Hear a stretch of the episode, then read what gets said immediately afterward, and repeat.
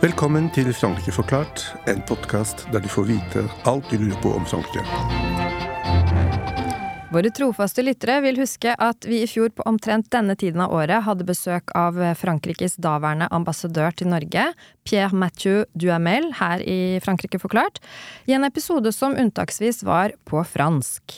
I dag er vi så heldige at vi har fått besøk av Frankrikes nåværende ambassadør til Norge, Florence Robin. Denne sendingen vil dermed også foregå på fransk, men vi håper at så mange som mulig av dere klarer å følge med. Et donc nous reprenons en français. Bienvenue à La France expliquée, un podcast dans lequel nous répondons à toutes vos questions sur la France, en tout cas on essaye. Mon nom est Franck Orban. Et moi, je m'appelle Kjerstin Aukrust. Cet épisode de La France expliquée se déroulera donc en français car nous avons la chance d'accueillir chez nous aujourd'hui l'ambassadrice de France en Norvège, Madame Florence Robin. Qui est-elle? Comment a-t-elle rejoint le corps diplomatique? Quelle réflexion nourrit-elle à propos de la relation bilatérale franco-norvégienne en général et plus particulièrement en ce qui concerne le domaine de l'éducation et de l'enseignement? Florence Robin a pris officiellement ses fonctions d'ambassadrice de France en Norvège le 10 novembre 2022, en remplacement de son prédécesseur, donc Pierre-Mathieu Duhamel. Ancien élève de l'école normale supérieure à Paris, titulaire d'une agrégation de sciences physiques et d'un doctorat en épistémologie et en histoire des sciences. Elle a enseigné la physique et la chimie en classe préparatoire aux grandes écoles pendant 20 ans, de 1984 à 2004. Elle a ensuite pris la fonction d'inspectrice générale de l'éducation nationale, avant de devenir rectrice de plusieurs académies, notamment l'Académie de Nancy-Metz et euh, de la région académique Grand Est jusqu'en 2019. Alors, elle a rejoint le corps diplomatique et elle a été nommée ambassadrice de France en Bulgarie avant de devenir, comme déjà précisé, la nouvelle ambassadrice de France en Norvège en 2022. Madame euh, l'ambassadrice, tout d'abord, bienvenue. Merci, bonjour. Bonjour. Pourriez-vous d'abord revenir sur votre parcours personnel, votre formation euh, académique et bien sûr les raisons qui vous ont amené à choisir une carrière dans la diplomatie. Oui, bien sûr, avec plaisir. Comme vous l'avez dit vous-même, euh, au départ, je suis euh, une scientifique, je suis une physicienne. Et aussi, j'ai beaucoup travaillé dans le domaine de la philosophie, la philosophie des sciences, ce qui est plutôt une base assez peu commune pour devenir finalement diplomate. Mais si on y réfléchit bien, tout ça n'est pas complètement euh, euh, absurde, en tout cas je, l'espère. Euh, j'ai beaucoup travaillé dans le domaine de la coopération internationale comme experte auprès de la Commission européenne, en particulier sur les questions d'engagement des jeunes dans les filières scientifiques, dans l'enseignement, les coopérations dans le domaine de l'éducation, de l'université, dans le domaine de la recherche voilà, j'ai beaucoup travaillé dans ce, dans ce domaine-là et, finalement, euh, il m'a semblé assez logique de répondre positivement à la demande du ministère français des Affaires étrangères de rejoindre le corps diplomatique parce que c'est un moyen finalement de continuer à travailler euh, à, aux bonnes relations entre, entre les pays, euh, au fait que la jeunesse puisse continuer à, circuler librement, à apprendre, à, se rencontrer et donc à nouer des relations solides entre les pays. Et puis, euh, notre monde, il est quand même beaucoup gouverné par l'innovation. je crois que nous sommes dans une immense révolution technologique. Euh, qui fait suite à la, grande révolution industrielle euh, du 19e siècle, et que de ce fait, avoir euh, un background, comme on dit en mauvais français, scientifique, peut être au contraire un atout pour discuter avec tous sur les grands problèmes de notre monde actuel. Absolument. Mais comment est-ce que vous avez, euh, été euh, sollicité pour, euh, pour rejoindre le corps diplomatique? Alors en fait, j'ai beaucoup travaillé pour le ministère des Affaires étrangères. J'ai fait partie, par exemple, du groupe qui international de travail qui a élaboré euh, les, déclarations qui ont précédé à l'écriture des objectifs de développement durable des Nations Unies, en particulier sur l'objectif de développement durable numéro 4, celui pour une éducation de, qualité. Donc voilà, le, ministère des Affaires étrangères me, connaissait bien, j'ai fait beaucoup de missions dans beaucoup de pays. Et euh, peut-être euh, savez-vous que le président Macron a engagé une, réforme de la haute fonction publique en France? En souhaitant diversifier le profil et surtout permettre des porosités, des mobilités entre les différents ministères. Et c'est dans ce cadre que j'ai accepté de rejoindre le ministère des Affaires étrangères et, j'en suis extrêmement heureuse. Donc là, on parle plus particulièrement de la réforme du, corps diplomatique. Si on regarde un peu le parcours de votre prédécesseur, euh, Monsieur Mathieu, et votre parcours, on voit, nettement donc il y a une ouverture vers euh, donc on n'est plus dans, une formation de sérail, on est véritablement vers un éclatement de, de, des formations et on va chercher des compétences peut-être qui étaient moins apparentes dans, le milieu diplomatique euh, il y a encore 15 ou 20 ans. Ce que je pense, c'est que cette diversité de compétences, elle enrichit tous les corps. Il y a évidemment une spécificité des, métiers de, la diplomatie, et c'est très important, et c'est très utile.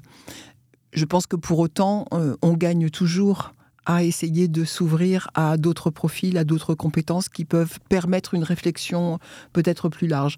Et puis, euh, je ne suis de loin pas seule à, l'ambassade de France, donc là aussi, il y a une diversité de compétences de nos métiers, de nos profils, de nos expériences. Et c'est tout cela qui fait que dans un esprit d'équipe et de travail collectif, nous pouvons tous, je crois, contribuer à l'amélioration de la qualité de notre, de notre travail. C'est dans cet esprit, en tout cas, que je souhaite le faire. C'est cet esprit d'équipe qui, pour moi, me semble essentiel, que chacun doit se sentir important dans les équipes et apporter ses qualités particulières au service de mission qui sont extrêmement claires et qui nous engagent tous et toutes. Hmm. Avant d'entrer dans la diplomatie, vous avez donc eu une longue carrière dans l'éducation supérieure à la fois comme professeur et comme rectrice de plusieurs académies. Quels enseignements personnels et professionnels en avez-vous tiré D'abord, je crois euh, l'absolue nécessité, peut-être plus que nous le faisons tous et toutes euh, à nos niveaux, mais vous, vous, êtes dans une situation très spécifique à l'université, mais l'absolue nécessité de se pencher davantage et d'écouter davantage la jeunesse. Euh, je crois que nos grandes institutions nationales, européennes, internationales euh, ont peut-être trop l'habitude de travailler avec les experts qu'elles connaissent. Et euh, comment laisse-t-on la parole à la jeunesse? Comment laisse-t-on la parole aux citoyens? Ça me semble être un des grands défis démocratiques euh, à l'heure actuelle, surtout dans une période de très grands changements que, que nous connaissons. Je parlais des changements de l'innovation industrielle. On ne peut évidemment pas ne pas parler de la crise euh, climatique dans laquelle nous sommes et euh, que les, jeunes euh, regardent avec inquiétude et nous les comprenons parce que c'est eux principalement qui vont avoir à la gérer. Donc oui, je pense que cela m'a appris à écouter, à être essayer d'être attentive euh, à, l'opinion de, cette frange de, la population, et puis euh, de se tourner vers l'avenir. Hmm. C'est ça qui me semble essentiel. Et puis dans les métiers d'enseignement, c'est pas à vous que je vais l'apprendre. On rencontre euh, des gens extrêmement variés, de, de tout milieu. Ça aussi, c'est une problématique extrêmement intéressante. Euh, j'ai eu l'habitude aussi de me déplacer dans des régions très différentes. Euh, j'ai aussi été en charge, vous avez parlé de la région Grand Est et d'autres régions, mais je me suis aussi retrouvée dans un territoire français très très loin de Paris. Je parle de la Guyane française, qui est un territoire euh, en Amérique du Sud, au milieu de la forêt amazonienne. oui, je peux vous dire que là... Ça, apprend à rester humble et modeste et à s'ouvrir à d'autres cultures à d'autres façons de voir le monde, à d'autres histoires, et que je pense que c'est la première des qualités si l'on veut aller à la rencontre d'autres pays et, d'autres peuples. ça, nous permet de rappeler en même temps que la France a une frontière commune avec le Brésil, ce que peu de gens savent en fin de compte à l'étranger. Non seulement une frontière commune, mais la plus grande frontière de la France avec un pays étranger, c'est avec le Brésil. 850 km de frontière avec le Brésil. Et au milieu de la forêt euh, amazonienne. Et je peux vous dire que c'est quelque chose. Bien. Et alors justement, cette euh, expérience que vous avez acquise donc euh, dans l'enseignement, comment vous avez pensée, euh, comment vous la transposez directement dans le domaine diplomatique, dans votre fonction actuelle? Est-ce que vous avez la possibilité, le temps d'y de, réfléchir, de le faire? Comment ça se fait en pratique? Je ne crois pas que j'y réfléchisse de manière particulière, mais je pense, j'espère en tout cas que cela m'a permis d'acquérir un certain nombre de compétences dont je vois euh, le sens et l'utilité tous les jours dans ma vie euh, professionnelle actuelle. Justement, cette, je l'espère, cette capacité d'écoute. Et euh, quand vous êtes professeur, il faut que vous vous intéressiez à, chacun de vos élèves, à chacun de vos étudiants, que vous essayiez de comprendre d'où il vient, quelles sont ses difficultés, quelles sont ses attentes particulières, et être capable de se mettre euh, finalement à la place de quelqu'un d'autre, euh, comme disent nos amis anglo-saxons, dans les chaussures de quelqu'un. Moi, il me semble que c'est une des qualités aussi importantes de la diplomatie être capable de se décentrer de son intérêt personnel, sans l'oublier, mais pour comprendre la manière dont euh, d'autres pays, euh, d'autres communautés euh, réfléchissent, pensent et, finalement interagissent avec le monde. Moi, je pense que c'est une des compétences principales. Et puis, je le redis, ma passion pour, pour la science, pour la raison, pour le, raisonnement rationnel, me semble quand même extrêmement utile dans l'époque tourmentée dans laquelle euh, nous vivons. Et, même pour des sujets euh, aussi humains, justement, que, la diplomatie, euh, oui, je pense que ça peut avoir une vertu. Vous avez donc eu votre affectation en tant qu'ambassadrice en Norvège l'année dernière. Comment avez-vous réagi à cette affectation? Connaissiez-vous déjà notre pays et quelle image aviez-vous de la Norvège avant de vous installer ici? Alors non, je ne connaissais pas euh, la Norvège et euh, lorsqu'on m'a proposé cette affectation, euh, je l'ai accueillie avec plaisir et enthousiasme. J'avais très envie de, de rester en Europe. Et comme vous l'avez dit, j'étais alors en poste dans une partie de l'Europe mais diamétralement différente, extrêmement différente. Je, suis, je venais de, l'Europe de l'Est, de la Bulgarie, euh, qui a quand même en, commun, si je puis dire, avec la Norvège, d'avoir une frontière maritime avec euh, la Russie, ce qui n'est pas anodin dans l'époque euh, où, nous sommes, mais qui évidemment a une histoire totalement différente. Ce qui me passionne en particulier dans le fait de rester en Europe, c'est de toucher vraiment du doigt cette incroyable mosaïque qu'est l'Europe. Nous faisons partie du même continent, je dis souvent que nous n'avons pas la même histoire, nous n'avons pas la même culture, nous n'avons pas la même langue parmi tous ces pays européens, mais nous avons le même avenir. Nous partageons la même réalité du monde. Et ça, c'est passionnant. Et comment est-ce qu'on peut faire vivre tout cela avec justement cette, ces, histoires différentes? Ben, Aller euh, dans, un pays scandinave, ça me permettait euh, véritablement d'aborder une toute autre partie euh, justement de, ce continent très différent. Donc euh, c'est avec beaucoup de bonheur que j'ai accepté ce poste. Et puis je crois que pour tous les Français, euh, la Norvège, ça met des étoiles dans les yeux, ça fait rêver. évidemment, quelquefois avec des clichés, comme on en a tous quand on se promène dans d'autres pays.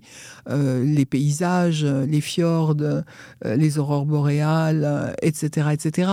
Mais au-delà de ça, un vrai mode de vie dont nous savons qu'il est très différent, un modèle social, une façon d'être ensemble qui est assez différente de notre de l'Europe euh, du Sud ou de, ou de l'Europe de l'Ouest.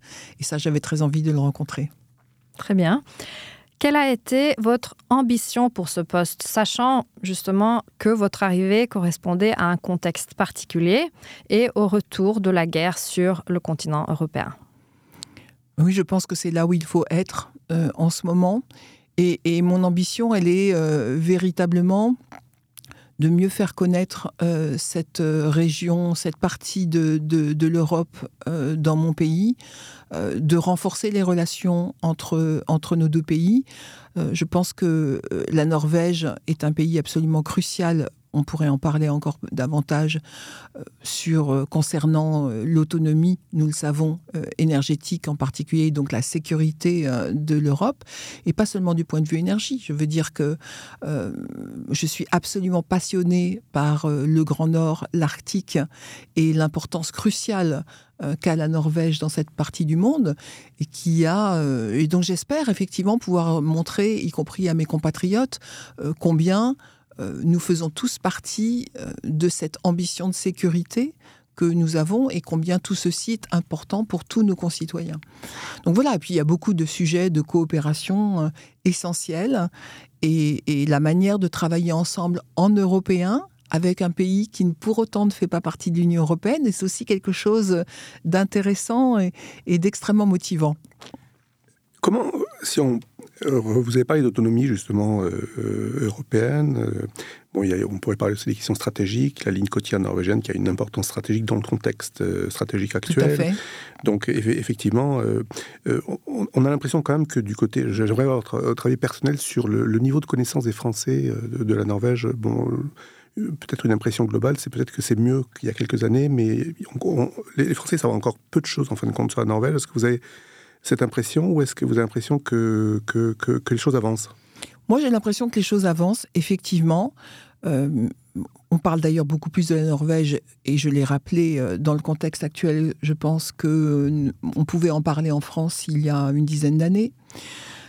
et puis, je, je, pense aussi, on en revient au point que nous mentionnions juste avant, que le fait que les jeunes voyagent énormément et beaucoup plus, en particulier en Europe, je pense au programme Erasmus, je pense aux échanges entre universités, contribue énormément au fait que les uns et les autres nous comprenions mieux notre environnement européen parmi euh, des générations plus anciennes, même comme la mienne, euh, je veux dire, on se déplaçait beaucoup moins et, les gens restent encore sur des clichés dans leur tête.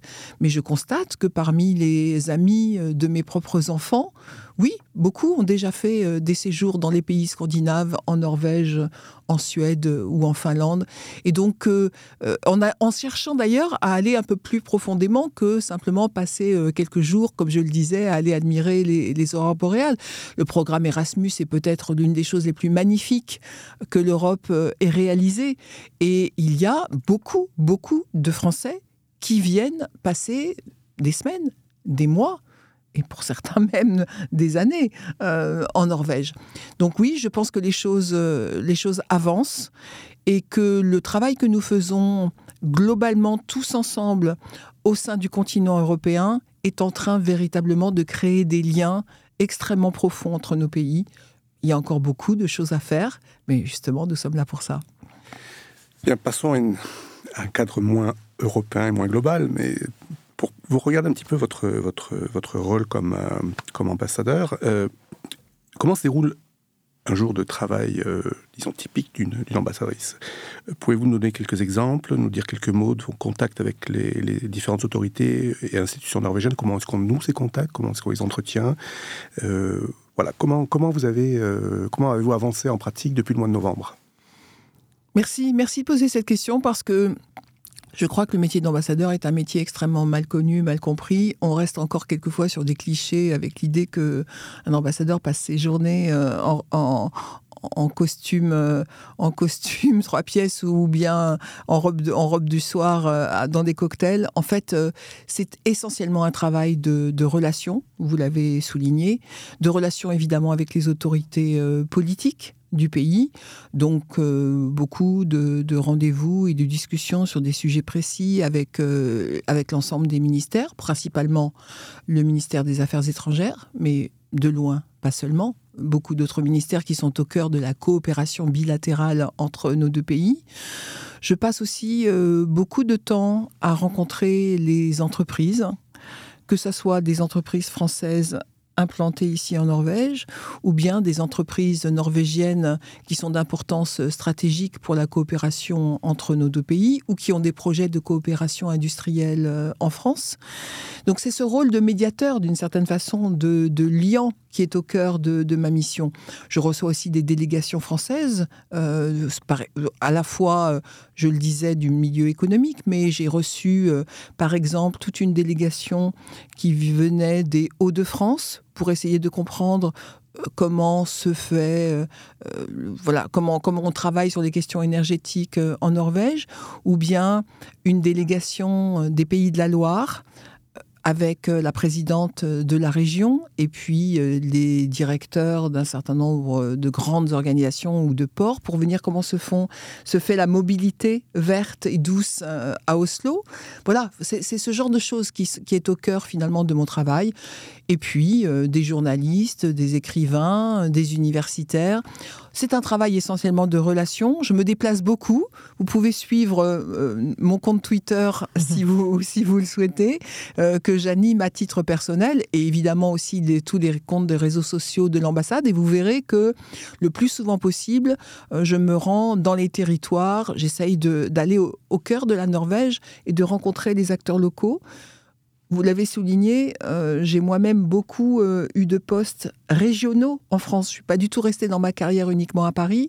Je suis absolument convaincue que de travailler avec les acteurs locaux, c'est absolument essentiel et central. Est-ce qu'en même temps, euh, si on regarde un petit peu la situation actuelle, on est dans une situation assez originale parce qu'on a donc un Premier ministre norvégien qui parle couramment français et on a aussi un ambassadeur norvégien en France qui est biculturel on a un point de, enfin, c'est un âge d'or d'une certaine manière pour les rapports franco-norvégiens parce que on, peut vraiment être sur la même longueur d'onde. On se comprend véritablement plus loin, enfin, au-delà de la langue, au-delà de la simple langue, il y a une question culturelle. Quel est votre avis sur, euh, sur cette question? Est-ce que vraiment, le, est-ce que ça change quelque chose d'avoir cette proximité euh, culturelle, on va dire? En tout cas, ça facilite, je crois, l'intercompréhension entre des cultures qui sont euh, assez différentes. Et, là encore, hein, on, voit bien que tout ceci est passé au départ par des échanges euh, universitaires et éducatifs. Hein. Je, me permets quand même de le signaler. Et, ça montre bien l'importance cruciale euh, des moyens qu'on doit mettre dans, dans, ce, dans ces champs-là. Ça me semble essentiel. Oui, évidemment, je pense que ça, ça, facilite beaucoup les relations, ça facilite la compréhension, même si il faut rien exagérer, nos univers culturels ne sont pas si différents on partage quand même des racines profondes, communes, euh, qui vont au-delà de, de, la langue et de l'histoire. Il, y, a quand même tout un, passé commun euh, et de, évidemment de l'Europe. Et je crois que tout le monde sait que, je le redis, euh, nous sommes liés de manière indiscutable dans beaucoup de, situations. La guerre en Ukraine le rappelle, nous sommes tous extrêmement solidaires des uns avec les autres. Oui, je pense que ces relations-là, elles sont très importantes et que nous souhaitons d'ailleurs euh, les élargir. C'est bien aussi le, euh, le sens de la proposition du président Macron d'aller vers une communauté politique européenne qui permette d'intégrer tous les acteurs du continent européen au-delà de l'Union européenne pour que nous partagions euh, les informations, que nous arrivions à décider d'un certain nombre de, choses ensemble et que nos politiques soient les plus cohérentes possibles.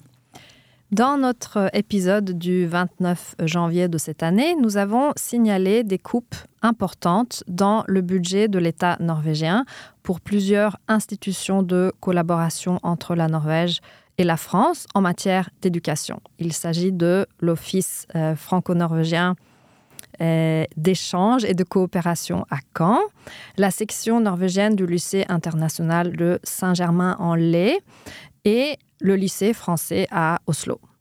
Avec votre expérience considérable et variée au sein de l'éducation nationale en France, quelle est votre vision pour la collaboration entre la Norvège et la France en matière justement d'éducation? Alors je crois que j'ai eu l'occasion de le dire déjà plusieurs fois justement à votre micro. Euh, je pense que l'intérêt envers la jeunesse, pour moi, il est essentiel.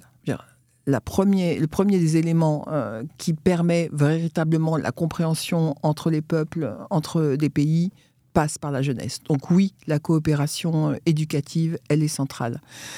Nous étions euh, assez inquiets concernant le, lycée français d'Oslo, puisque pour des raisons immobilières, de travaux, etc., etc., sa, santé financière était vraiment en question. Euh, nous avons eu hier euh, une très bonne nouvelle au moment de la présentation du budget rectificatif de la loi de finances au Parlement au Storting puisque euh, l'État norvégien a décidé d'accroître de manière très importante sa subvention euh, au lycée français. Et je pense qu'à partir de là, nous allons pouvoir partir sur de bonnes bases. Il faut encore que nous continuions à discuter avec euh, la mairie d'Oslo, mais les premiers contacts sont très positifs et, j'espère vraiment que nous allons vers une solution qui permettra le maintien euh, vraiment euh, à long terme du lycée français d'Oslo, qui est, je crois, euh, l'un des fleurons internationaux de, cette très belle ville.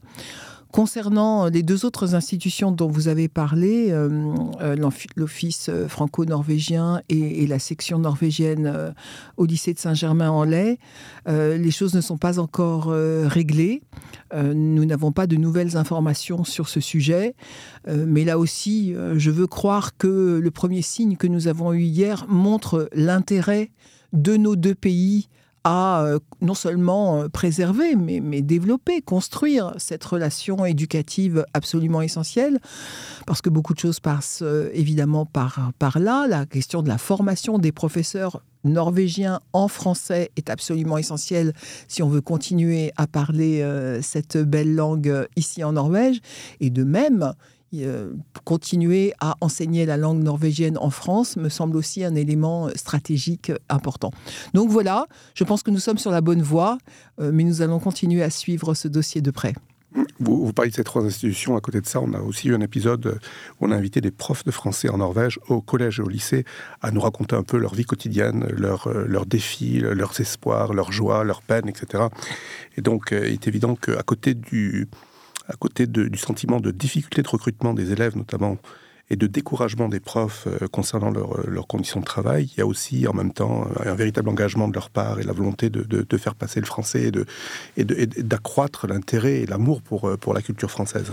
Oui, ce sont des gens absolument formidables et exceptionnels. Je pense que nous leur devons tout. C'est d'abord aux professeurs que nous devons adresser tous nos remerciements. Je voudrais aussi signaler que l'Institut français de Norvège est extrêmement présent et, euh, travaille énormément aux côtés des professeurs de français pour euh, les accompagner, les soutenir, leur donner des supports pédagogiques, participer euh, à leur formation, créer du lien, du réseau y compris avec euh, des institutions euh, en France et avec des, pour en vue d'échanges et, de, et de projets divers.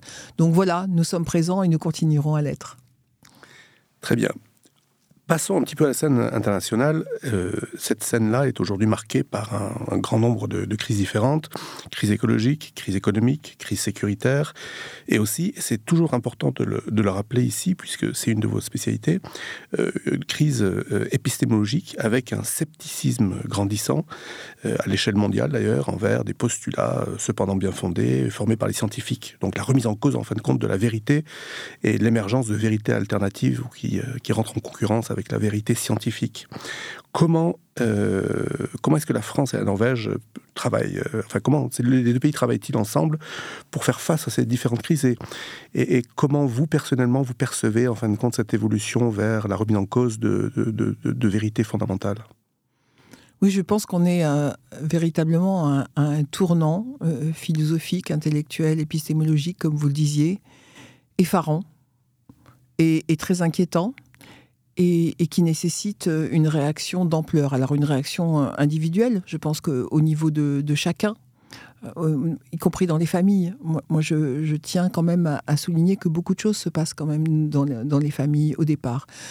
réfléchir, raisonner, argumenter, euh, ce ne sont pas des choses qui sont spontanées et innées, ce sont des choses qui évidemment s'apprennent. Le rôle de l'école est entier, mais je pense aussi que dans les familles, euh, apprendre à échanger, à discuter, à, donner des arguments pour soutenir son opinion, ça peut se faire dans, tous les cadres, y compris dans le cadre de la famille.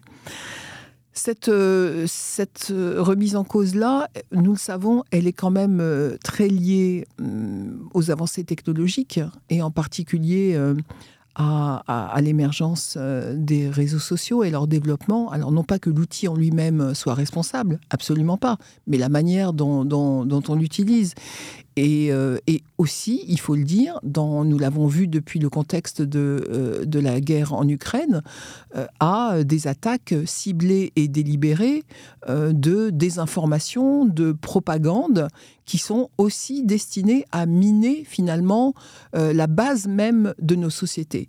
Et nos sociétés étant basées, nos sociétés démocratiques étant basées justement sur l'argumentation, la discussion, euh, la capacité euh, à dialoguer ensemble et ensuite à forger sa propre opinion pour pouvoir voter euh, en conséquence finalement et, donner son opinion.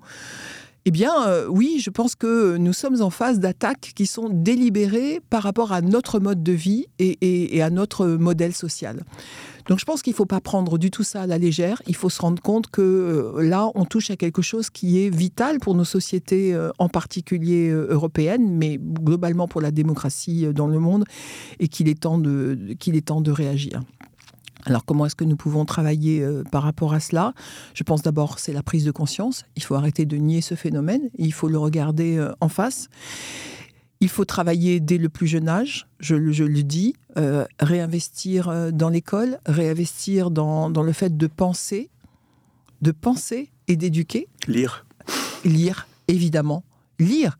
Et lire pour s'informer, lire pour comprendre, lire pour discuter, et aussi lire tout au long de sa vie. Ça, ça me semble aussi être important. La question de l'éducation, et, on n'a pas fini de se former le jour où on a quitté l'école, euh, surtout à la vitesse où le monde euh, avance et, se transforme. Donc ça aussi, ça fait partie des compétences de base sur lesquelles on doit travailler. Comment est-ce qu'on éduque pour que chacun soit capable tout au long de sa vie de s'interroger sur ce qu'il croit, ce qu'il pense, ce qu'il croit savoir, être capable de le remettre en cause, être capable d'aller chercher les bonnes informations et de continuer à réfléchir et à penser. Pour moi, c'est absolument crucial. Donc, réinvestir de manière massive dans l'éducation et la formation, ça me semble tout à fait euh, important. Et puis, je le redis, euh, euh, ne pas être naïf et lutter contre les outils de propagande et les outils de désinformation qui existent, travailler de manière intelligente, et nous avons essayé de le faire et nous continuons à le faire au niveau européen, la lutte contre la désinformation, le fait de tracer beaucoup plus finalement euh, où vont les données euh, Je veux dire, voilà, l'utilisation des réseaux sociaux, euh, qui fait quoi derrière, derrière cela Ça me semble tout à fait important. Travailler aussi sur la liberté de la presse et, la liberté, enfin voilà, des, médias. Ça me semble quelque chose d'important parce que la multiplicité des informations est quand même aussi une source essentielle de, de réflexion. Mais pour autant, hum, essayer d'insuffler davantage de rationalité parce que euh, tout ne se vaut pas, toute opinion euh, n'a pas forcément place dans, le débat. Euh, et, c'est comme ça qu'il faut aussi que nous arrivions à réfléchir. Donc c'est un sujet très difficile, mais qui est un sujet, à mon avis, vital pour nos sociétés et pour la préservation de nos modes de vie. Les cultures françaises et, francophones aussi jouent des rôles importants dans un grand nombre de pays. Comment travaillez-vous pour faire connaître ces cultures en Norvège et comment vivez-vous leur réception? Alors je parlais euh, il y a quelques instants de l'Institut français. Euh, de Norvège, qui est pour nous euh, vraiment un élément absolument essentiel de diffusion de, la culture, de rapprochement euh, entre les cultures, de, visibilité de, la culture française et francophone. Nous travaillons d'ailleurs aussi bien sur des coopérations artistiques que dans le, que le fait de faire venir des écrivains français ici en, Norvège, que de travailler sur le cinéma, par exemple français et francophone, et puis euh, de donner à voir cela en Norvège, dans beaucoup d'autres endroits. J'ai vraiment donné comme mission euh, essentielle à l'Institut français d'être présent non seulement en à Oslo, mais surtout d'être présent dans toute la Norvège l'Institut français a développé un concept euh, très amusant et très sympa, je trouve, qu'on appelle maintenant le Pop-up Institut, qui fait que euh, nous sommes capables de projeter quasiment l'intégralité euh, de nos équipes et de l'Institut dans plusieurs, dans, des villes de Norvège. nous l'avons fait dans beaucoup d'endroits. Nous l'avons fait à Tromsø, nous l'avons fait à Stavanger, nous l'avons fait voilà, dans, dans, dans diverses parties de la Norvège et d'aller au plus près de ce qui se passe, d'aller rencontrer les municipalités, d'aller rencontrer les acteurs locaux, les médiathèques, les cinémathèques, euh, les universités, euh, les centres culturels, les, musées. Les alliances françaises. Les alliances françaises, évidemment, pour parler avec eux et construire des projets ensemble. Construire des projets ensemble, qui aient du sens, pour les Norvégiens et qui ait du sens pour projeter la culture française. Je voudrais aussi parler euh, du groupe des ambassadeurs francophones, de la francophonie, euh, qui me semble être un acteur absolument essentiel parce que ce qui est beau dans la langue française, c'est que la langue française, ce n'est pas la langue de la France. ah, De loin pas. Je veux dire que la majorité des acteurs qui parlent français dans le monde ne sont pas en France. Euh, les, pronostics sont que euh, à l'horizon 2050 euh, ou 2040, je me souviens plus exactement, nous aurons 750 millions de personnes dans le monde qui parleront français. La grande majorité dans le continent africain, et puis euh, finalement dans tous les continents euh, de notre belle planète. Et c'est ça aussi notre, notre richesse, cette diversité de cultures, et beaucoup de pays la portent, et nous travaillons ensemble avec euh, les ambassadeurs de la francophonie pour faire venir finalement des artistes et des acteurs de, tout, de tous les coins de la francophonie. Nous avions eu un très bel événement au, mois de mars pour le mois de la francophonie en, faisant, en, faisant, en faisant venir des acteurs euh, de divers coins, euh, l'île de la Réunion, mais aussi euh, l'île Maurice. voilà, et pour parler de, la langue créole, par exemple, qui est, et, de toute la littérature créole. Voilà, c'est comme ça que nous souhaitons travailler, en allant au plus près des acteurs et en montrant cette belle diversité, finalement, de la culture francophone. On parle de passerelle culturelle, y on, est au mois de mai, il y a quelques jours à peine, un de nos invités euh, à un, derniers épisodes, justement sur la francophonie, donc Harry Gauthier, donc qui a une double origine malgache et indienne, euh, donc il y a quelques jours a présenté son livre, euh, la traduction norvégienne de son livre Le Tinaï en norvégien.